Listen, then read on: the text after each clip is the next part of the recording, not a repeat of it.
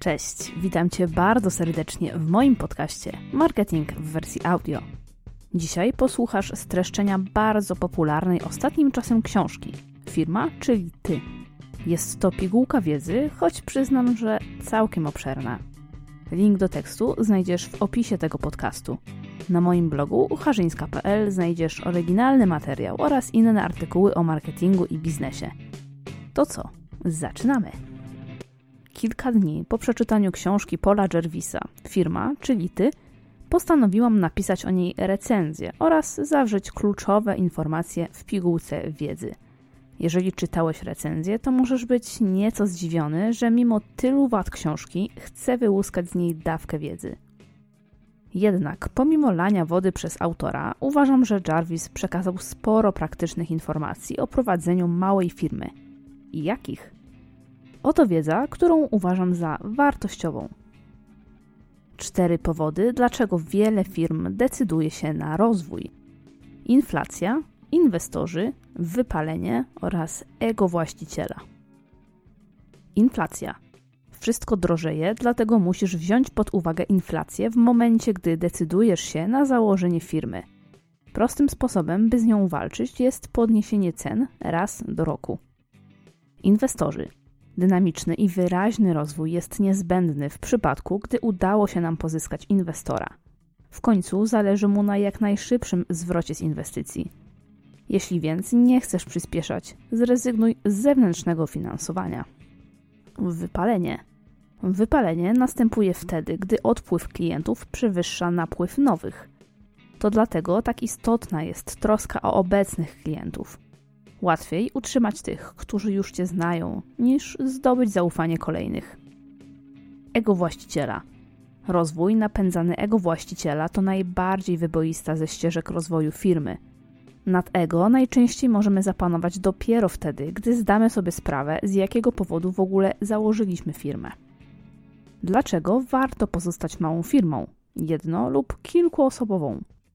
Już na samym początku książki Michał Szafrański, czyli autor przedmowy, przekonuje, że ciągły i nagły wzrost to nie jedyna droga, by uważać firmę za successful.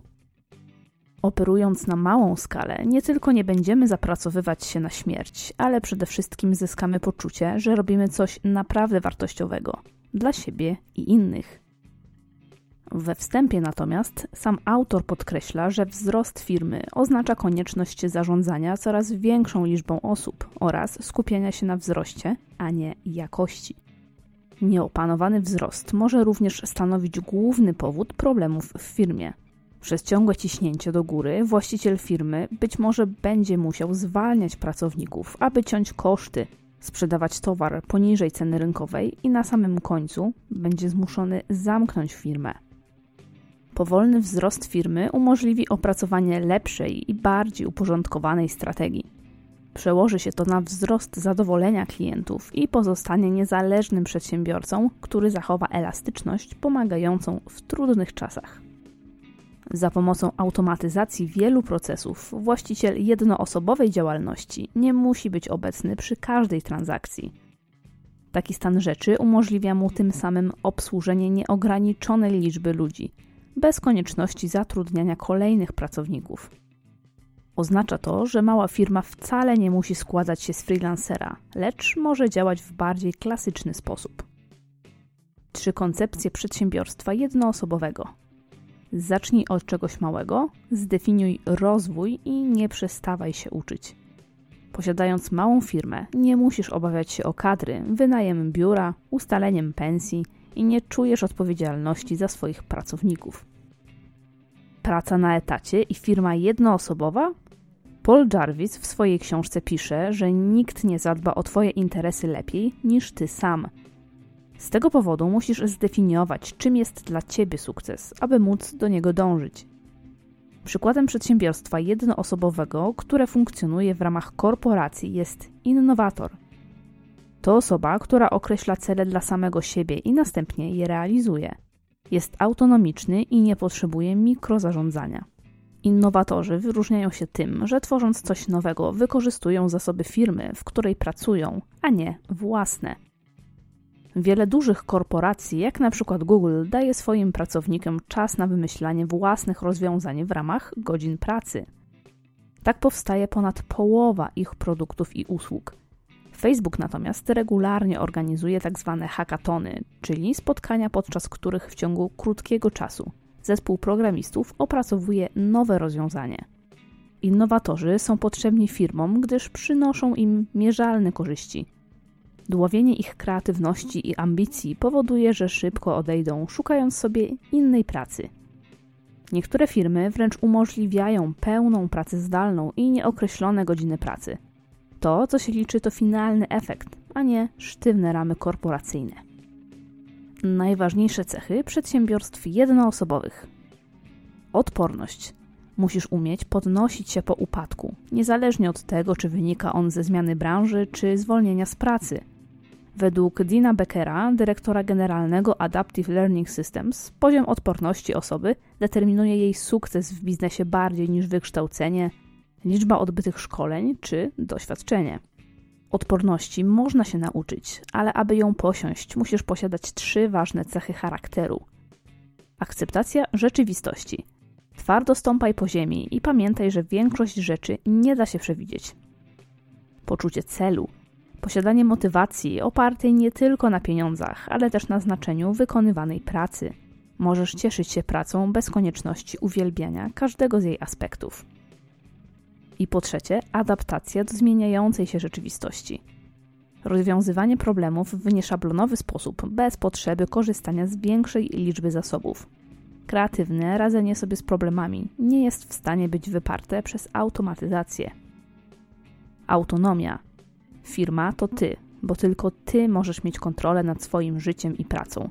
Aby uzyskać autonomię, musisz najpierw stać się mistrzem w swoim fachu. Jeżeli kompetencja istnieje bez autonomii i odwrotnie, to nieuchronnie kończy się to porażką. Zanim zdobędziesz autonomię, musisz poświęcić czas na pracę w miejscu, gdzie jej nie będzie tak dużo, jakbyś chciał. Bez wiedzy i doświadczenia nie uda ci się utrzymać samodzielnie na rynku pracy. Jedną z największych pułapek autonomii jest fakt, że nie uwalniasz się w pełni od kogoś, kto kieruje Twoimi poczynaniami w pracy.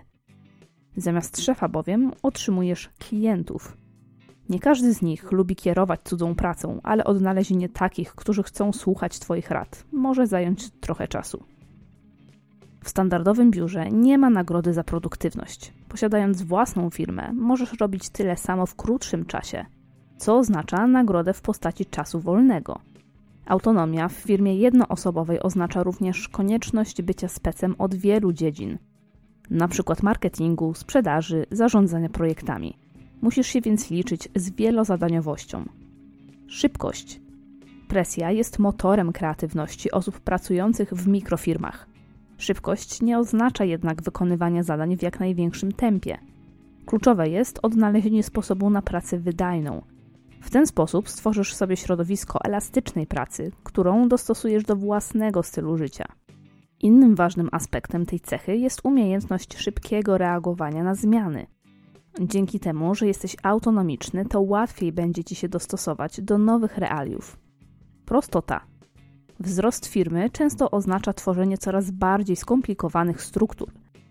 Często odciągają one uwagę od głównego celu firmy, co kończy się większymi wydatkami oraz koniecznością poświęcenia na to samo coraz więcej czasu. Dlatego też kluczem do sukcesu małej firmy są proste procedury i zasady funkcjonowania. Prostota w firmie jednoosobowej jest wręcz obowiązkowa. Zamiast inwestować w początkowo zbędne rzeczy, jak na przykład biuro, lepiej rozpocząć działalność we freelancerski sposób. Jeśli myślisz nad działalnością, która od pierwszego dnia wymagać będzie dużych wydatków i wysiłku, być może zaczynasz od zbyt dużej skali. Lepiej uprościć produkt czy usługę i oferować tzw. Tak MVP, czyli produkt o najbardziej podstawowej funkcjonalności – Dopiero z biegiem czasu dobudowy go o funkcjonalności, o które sami poproszą klienci. Automatyzacja również powinna przyjść z czasem, wtedy, gdy już nie będzie sensu ręcznie obsługiwać klientów. Zaufanie. Firmy jednoosobowe nie wymagają nieustannego wzrostu głównie z powodu zaufania klientów do nich samych. Firma oparta na zaufaniu najpierw tworzy produkt czy usługę naprawdę rozwiązującą dany problem, a następnie sprawdza, czy rzeczywiście tak się stało. Jeśli tak, to dopiero wtedy informuje odbiorców o wadach i zaletach produktu. Tylko budując prawdziwe zaufanie, możesz liczyć na lojalność klientów oraz niewymuszony marketing szeptany z ich strony. Wiele firm nie decyduje się na oparcie działalności na marketingu rekomendacji, ponieważ uważają, że jest to sposób trudny do mierzenia, który na dodatek powinien robić się sam. Badanie przeprowadzone przez Texas Tech wskazuje, że 83% klientów byłoby skłonnych polecić daną usługę znajomym, ale w rzeczywistości robi to tylko 29%. To innymi dlatego twórcy na YouTube jak mantrę powtarzają: zostawcie suba i udostępnijcie. Bez przypomnienia po prostu mało kto o tym pamięta. W przypadku sklepu online warto po tygodniu od otrzymania paczki poprosić mailowo o wystawienie opinii. Jeżeli klienci nie są do tego skłonni, możesz rozważyć przekazanie małego rabatu na kolejne zakupy lub dostęp do specjalnych ofert sklepu. Zamiast kierować uwagę do wszystkich, skup się na budowaniu więzi ze ściśle określoną niszą. W ten sposób o wiele prościej zbudujesz zaufanie do swojej marki i szybciej sprzedasz oferowany produkt czy usługę. Zrezygnuj z kolekcjonowania polubień fanpage'a na Facebooku czy obserwujących na Instagramie i skup się na komunikacji z odbiorcami. Konsumenci bardziej ufają małym firmom niż dużym korporacjom. Co ciekawe, małe firmy chcą często działać jak duże przedsiębiorstwa, a duże firmy jak te małe. Chris Brogan, dyrektor generalny Owner Media Group, uważa, że firmy jednoosobowe powinny być dumne z tego, że są małe i wykorzystywać ten fakt, by zdobywać nowych klientów. Jest również zdania, że niektóre firmy uważają klientów za swoją własność, określając ich jako naszą publiczność. Jest to błędne przekonanie, ponieważ to, że ktoś kupuje u ciebie, nie znaczy, że rezygnuje z produktów innych firm. Takie podejście do klientów daje przyzwolenie, by wykorzystywać ich do sprzedawania coraz więcej i coraz bardziej agresywnie. Minimalny zysk.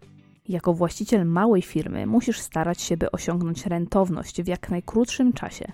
Nie posiadając zewnętrznego kapitału, nie zarabiasz pieniędzy w każdej sekundzie, gdy nie pracujesz. To dlatego tak ważne jest, by wyjść do świata ze swoim produktem od razu, gdy nadaje się do choćby podstawowego użytku. Określ MVPR, czyli najniższą wartość przychodów, które definiują, że firma osiąga zyski. Możemy mówić o niej dopiero wtedy, gdy masz pieniądze, by wypłacać sobie choćby małą pensję. Rentowność natomiast pojawi się, gdy przez dłuższy czas przedsiębiorstwo będzie zyskowne. Dopiero gdy wprowadzasz produkt na rynek, zacznij go ulepszać w oparciu o opinie od klientów. Na początku powinien on rozwiązywać jedynie konkretny i realny problem.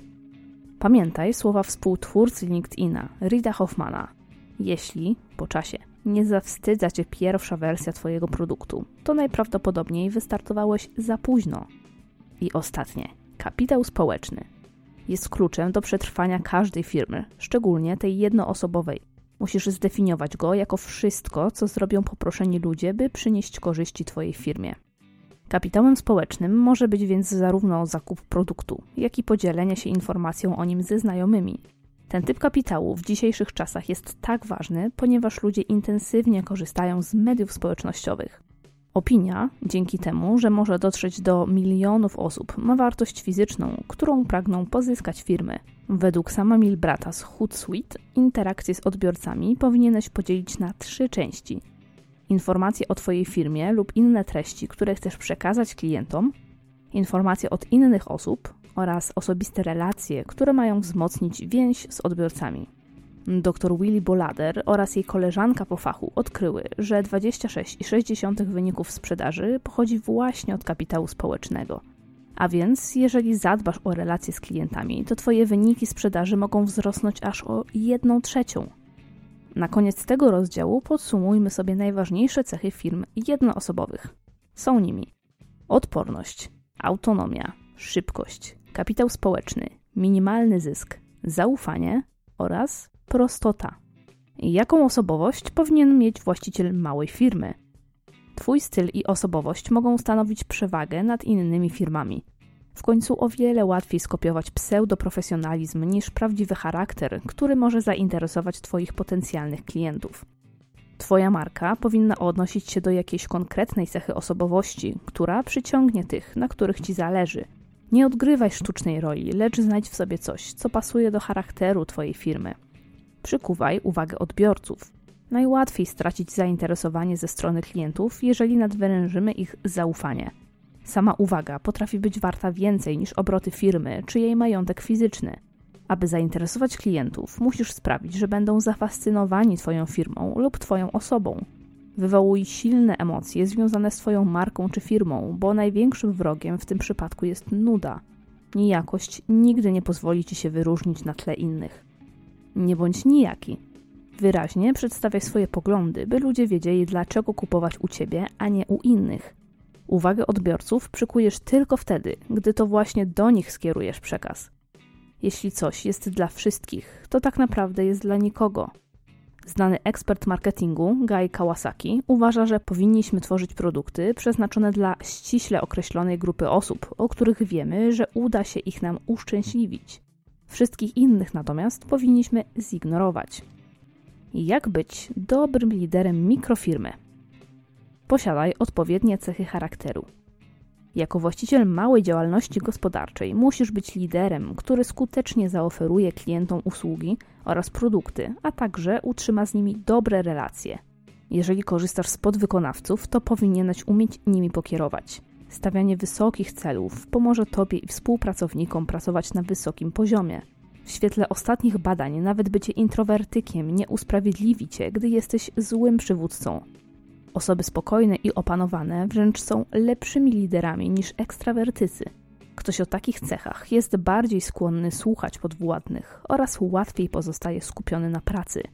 Pomoc pracownikom, czyli tzw. Tak przywództwo służebne, jest bardzo istotne, jeżeli chcesz być traktowany jako lider. Zamiast chwalić się własnymi sukcesami, uwypuklaj sukcesy innych. Organizuj pracę współpracowników. Jako lider firmy jednoosobowej musisz jednocześnie zachować status przywódcy, jak również pozwolić na niezależność współpracowników w ramach zgodnych z celami działalności. Musisz określić procesy niezbędne do działalności firmy i egzekwować ich wykonanie. Bez stania za sterami firmy szybko wpłyniesz na mieliznę. Ograniczenia są również ważne dlatego, że trzymają w ryzach kreatywność.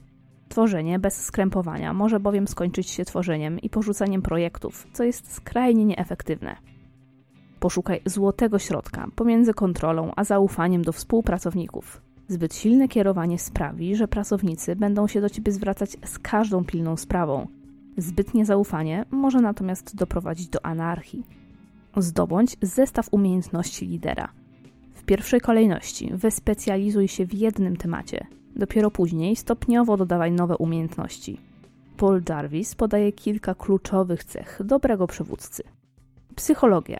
Zrozum, w jaki sposób myślą inni ludzie. Dlaczego i w jaki sposób klienci podejmują decyzje o zakupie Twojego produktu. Komunikacja.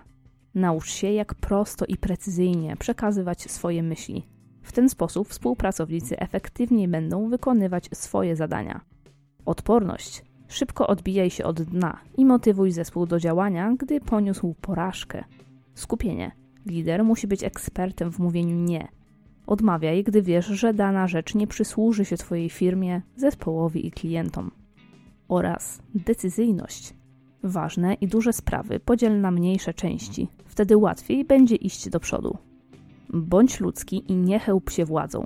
Historyk Henry Adams uważa, że władza to nowotwór, który żeruje na współczuciu żywiciela. Zdobywając władzę, stopniowo tracimy umiejętności lidera. Zmniejszeniu ulega nasza empatia, samoświadomość, wdzięczność i transparentność. Jako lider musisz zdawać sobie sprawę ze zmian, które zachodzą w tobie. Znajomość siebie może ci uniknąć nadmiaru stresu i pomoże zrozumieć, co popycha cię do działania. Jeżeli docenisz swoich współpracowników, to ci odwdzięczą ci się bardziej zaangażowaną pracą. Brak empatii natomiast może doprowadzić do niezauważania, co motywuje i demotywuje współpracowników. Jak pozostać małą firmą i mimo to odnieść sukces? Żyjemy w kulturze konsumpcjonizmu. Reklamy nakłaniają nas do kupowania rzeczy, które do tej pory w ogóle nie były nam potrzebne.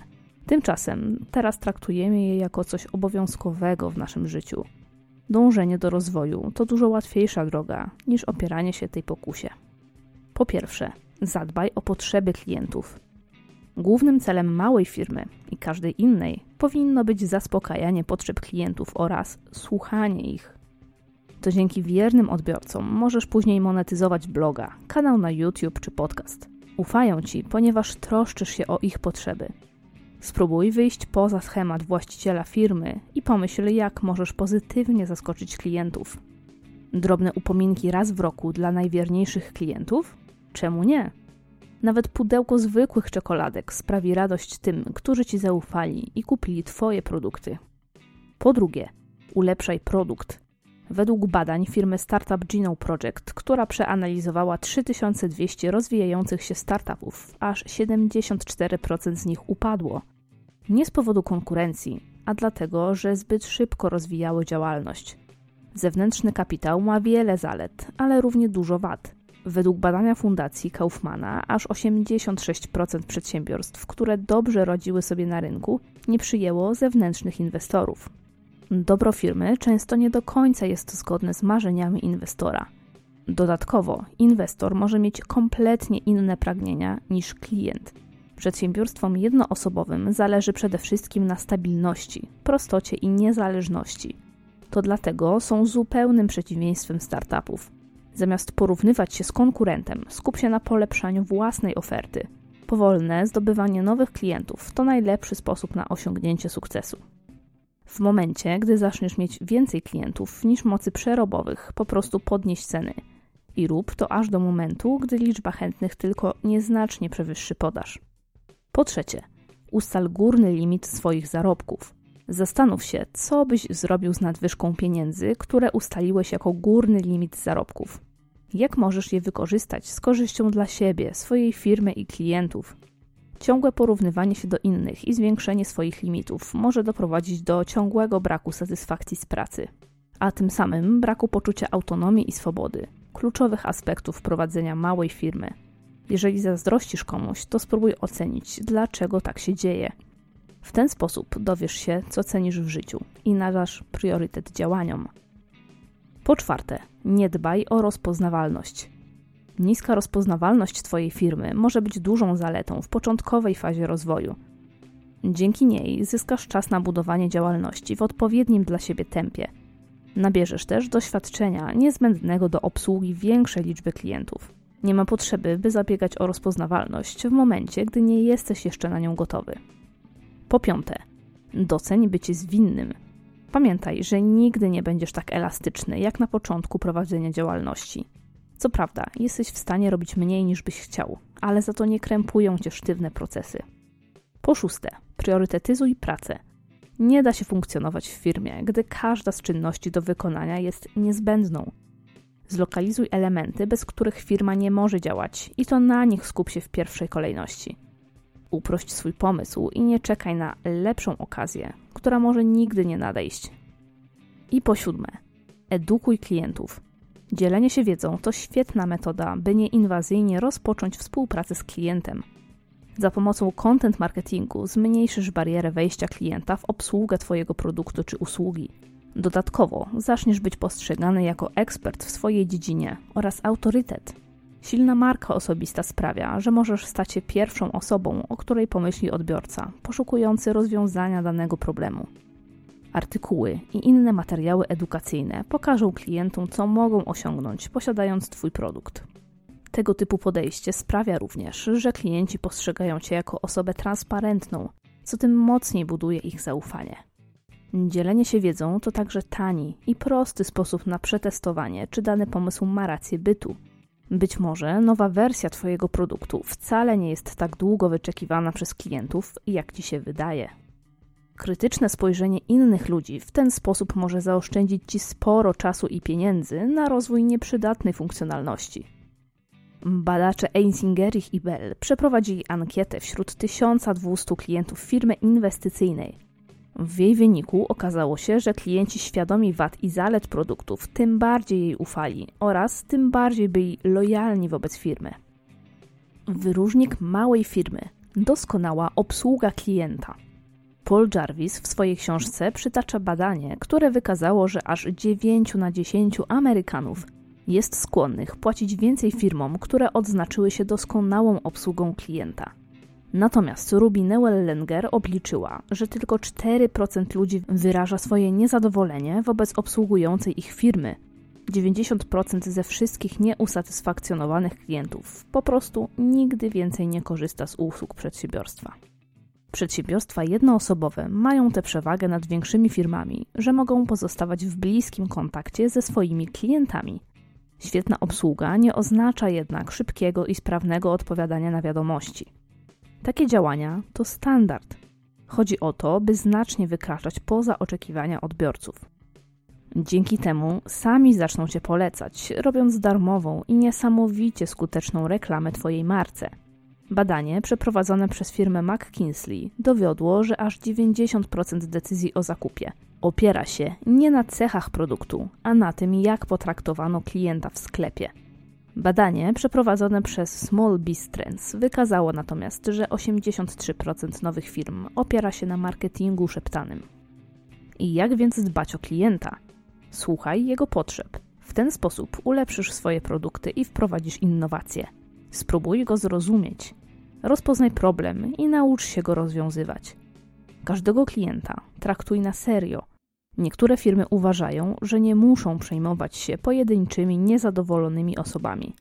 Tymczasem to właśnie oni potrafią przekazać negatywne informacje o firmie setkom lub tysiącom swoich znajomych. Każdego klienta traktuj na równi Klient wydający u ciebie 10 razy w ciągu roku 100 zł jest tyle samo wart, co klient, który zrobi jedynie jedne zakupy za 1000 zł. I ostatnie, przyznawaj się do błędów. Nic tak nie denerwuje odbiorców, jak udawanie, że nic się nie stało.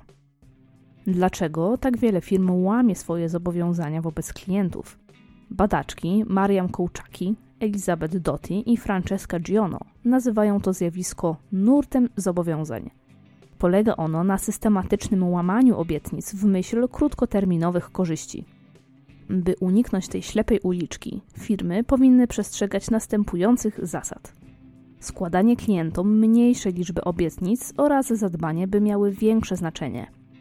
Traktowanie każdej obietnicy jak wiążącej umowy oraz świadomość, że złamanie zobowiązania oznacza zawód odczuwany przez klienta oraz pewność, że ta osoba więcej nie przestąpi progu Twojego sklepu. Jak unikać zagrożeń czyhających na małe firmy? Wystrzegaj się tzw. Tak growth hackingu. Firmy, które go stosują, skupiają się wyłącznie na gwałtownym wzroście. Nie zwracają natomiast uwagi na to, jakich klientów pozyskują. Większość firm nie potrzebuje dużego wzrostu, by osiągnąć rentowność. Skupiaj się na wskaźniku utrzymania klientów.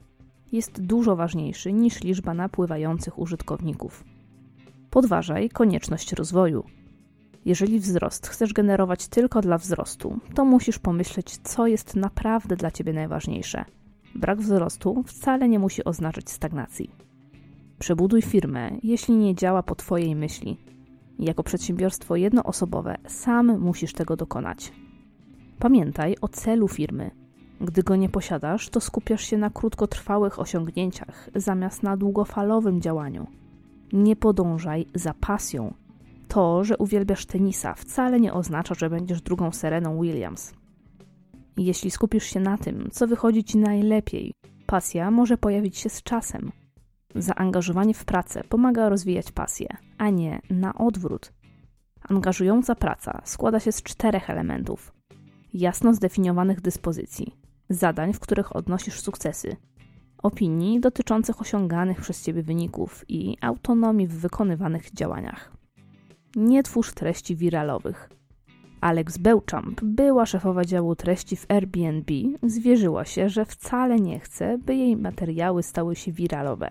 Viral ma to do siebie, że dociera do ogromnej rzeszy osób, z której tylko niewielki odsetek w jakikolwiek sposób jest zainteresowany Twoją firmą. Firmy, które skupiają się na budowaniu wirali, na ogół nie wiedzą, do kogo tak naprawdę chcą dotrzeć i nie rozumieją swoich klientów. Pasja nie prowadzi do mistrzostwa, ona za nim podąża.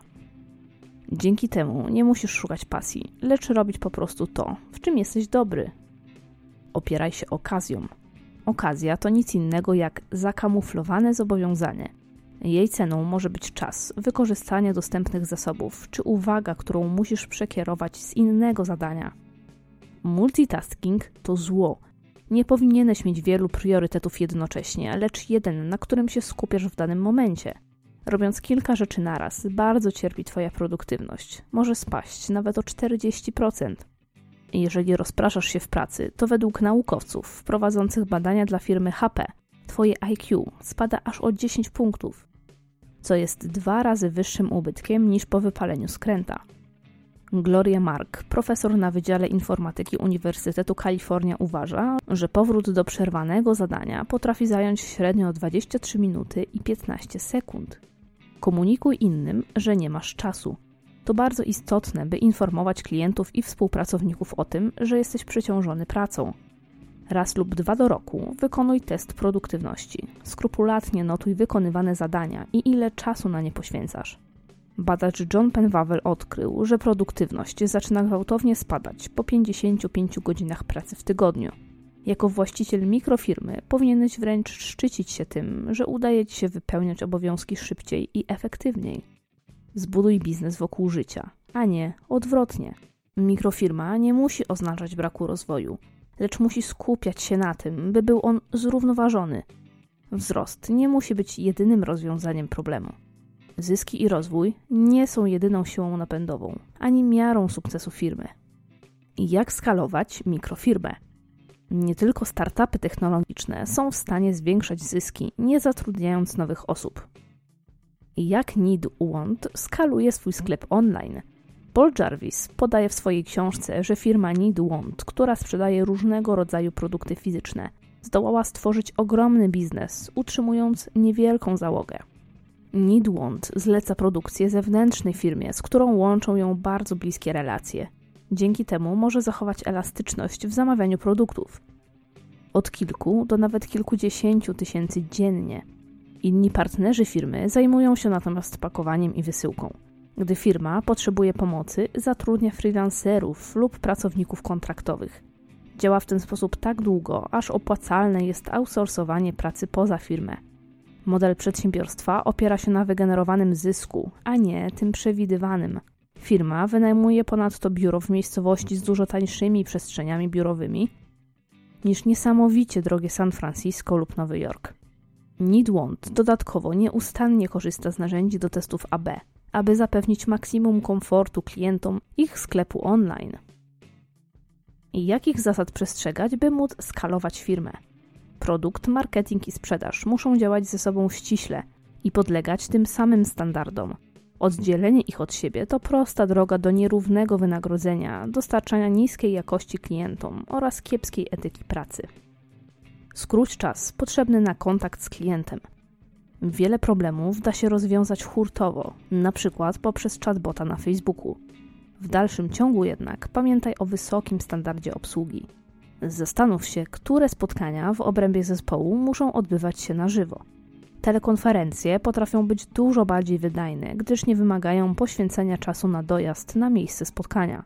Pomyśl też o tym, kto naprawdę jest niezbędny, a kto może zająć się w tym czasie innymi obowiązkami. Oraz bądź mniej dostępny. Przebywanie online czy pod telefonem 24 na 7 bardzo rozprasza, zmniejszając produktywność i generując stres. A teraz czas na ostatnią część tego streszczenia, czyli jak zacząć budować firmę zupełnie od zera. Autor książki Firma, czyli ty, w ostatnim rozdziale rozkłada na czynniki pierwsze etapy zakładania własnej firmy. Według niego powinny wyglądać następująco: przyciągnij odbiorców, zaoferuj bezpłatną pomoc w formie konsultacji, wiadomości e-mail, artykułów na blogu czy odpowiedzi na pytania w grupach zbieżnych z tym, czym zajmować się będzie Twoja firma. Nie tylko powoli zbudujesz własną renomę, ale i dowiesz się, jakie problemy mają Twoi potencjalni klienci. Nie rzucaj etatu od razu. W początkowej fazie rozwoju firmy, gdy nie masz jeszcze pewności, czy zażre, nie rzucaj etatu. Pracuj dla siebie po godzinach. Ustal podstawowe wydatki tak, by szybko osiągnąć zysk. Zadaj sobie dwa kluczowe pytania. Czy na początku działalności możesz zmniejszyć wydatki? Jakie jest prawdopodobieństwo, że co miesiąc uda Ci się pozyskać taką liczbę klientów, jaką potrzebujesz? Najpierw usługi, potem produkty. W pierwszej kolejności oferuj ludziom konsultacje i inny typ usług, zbieżny z tym, w czym jesteś ekspertem. Dopiero później stopniowo zacznij tworzyć własne produkty, jak na przykład kursy czy szkolenia. Oddziel firmę od samego siebie.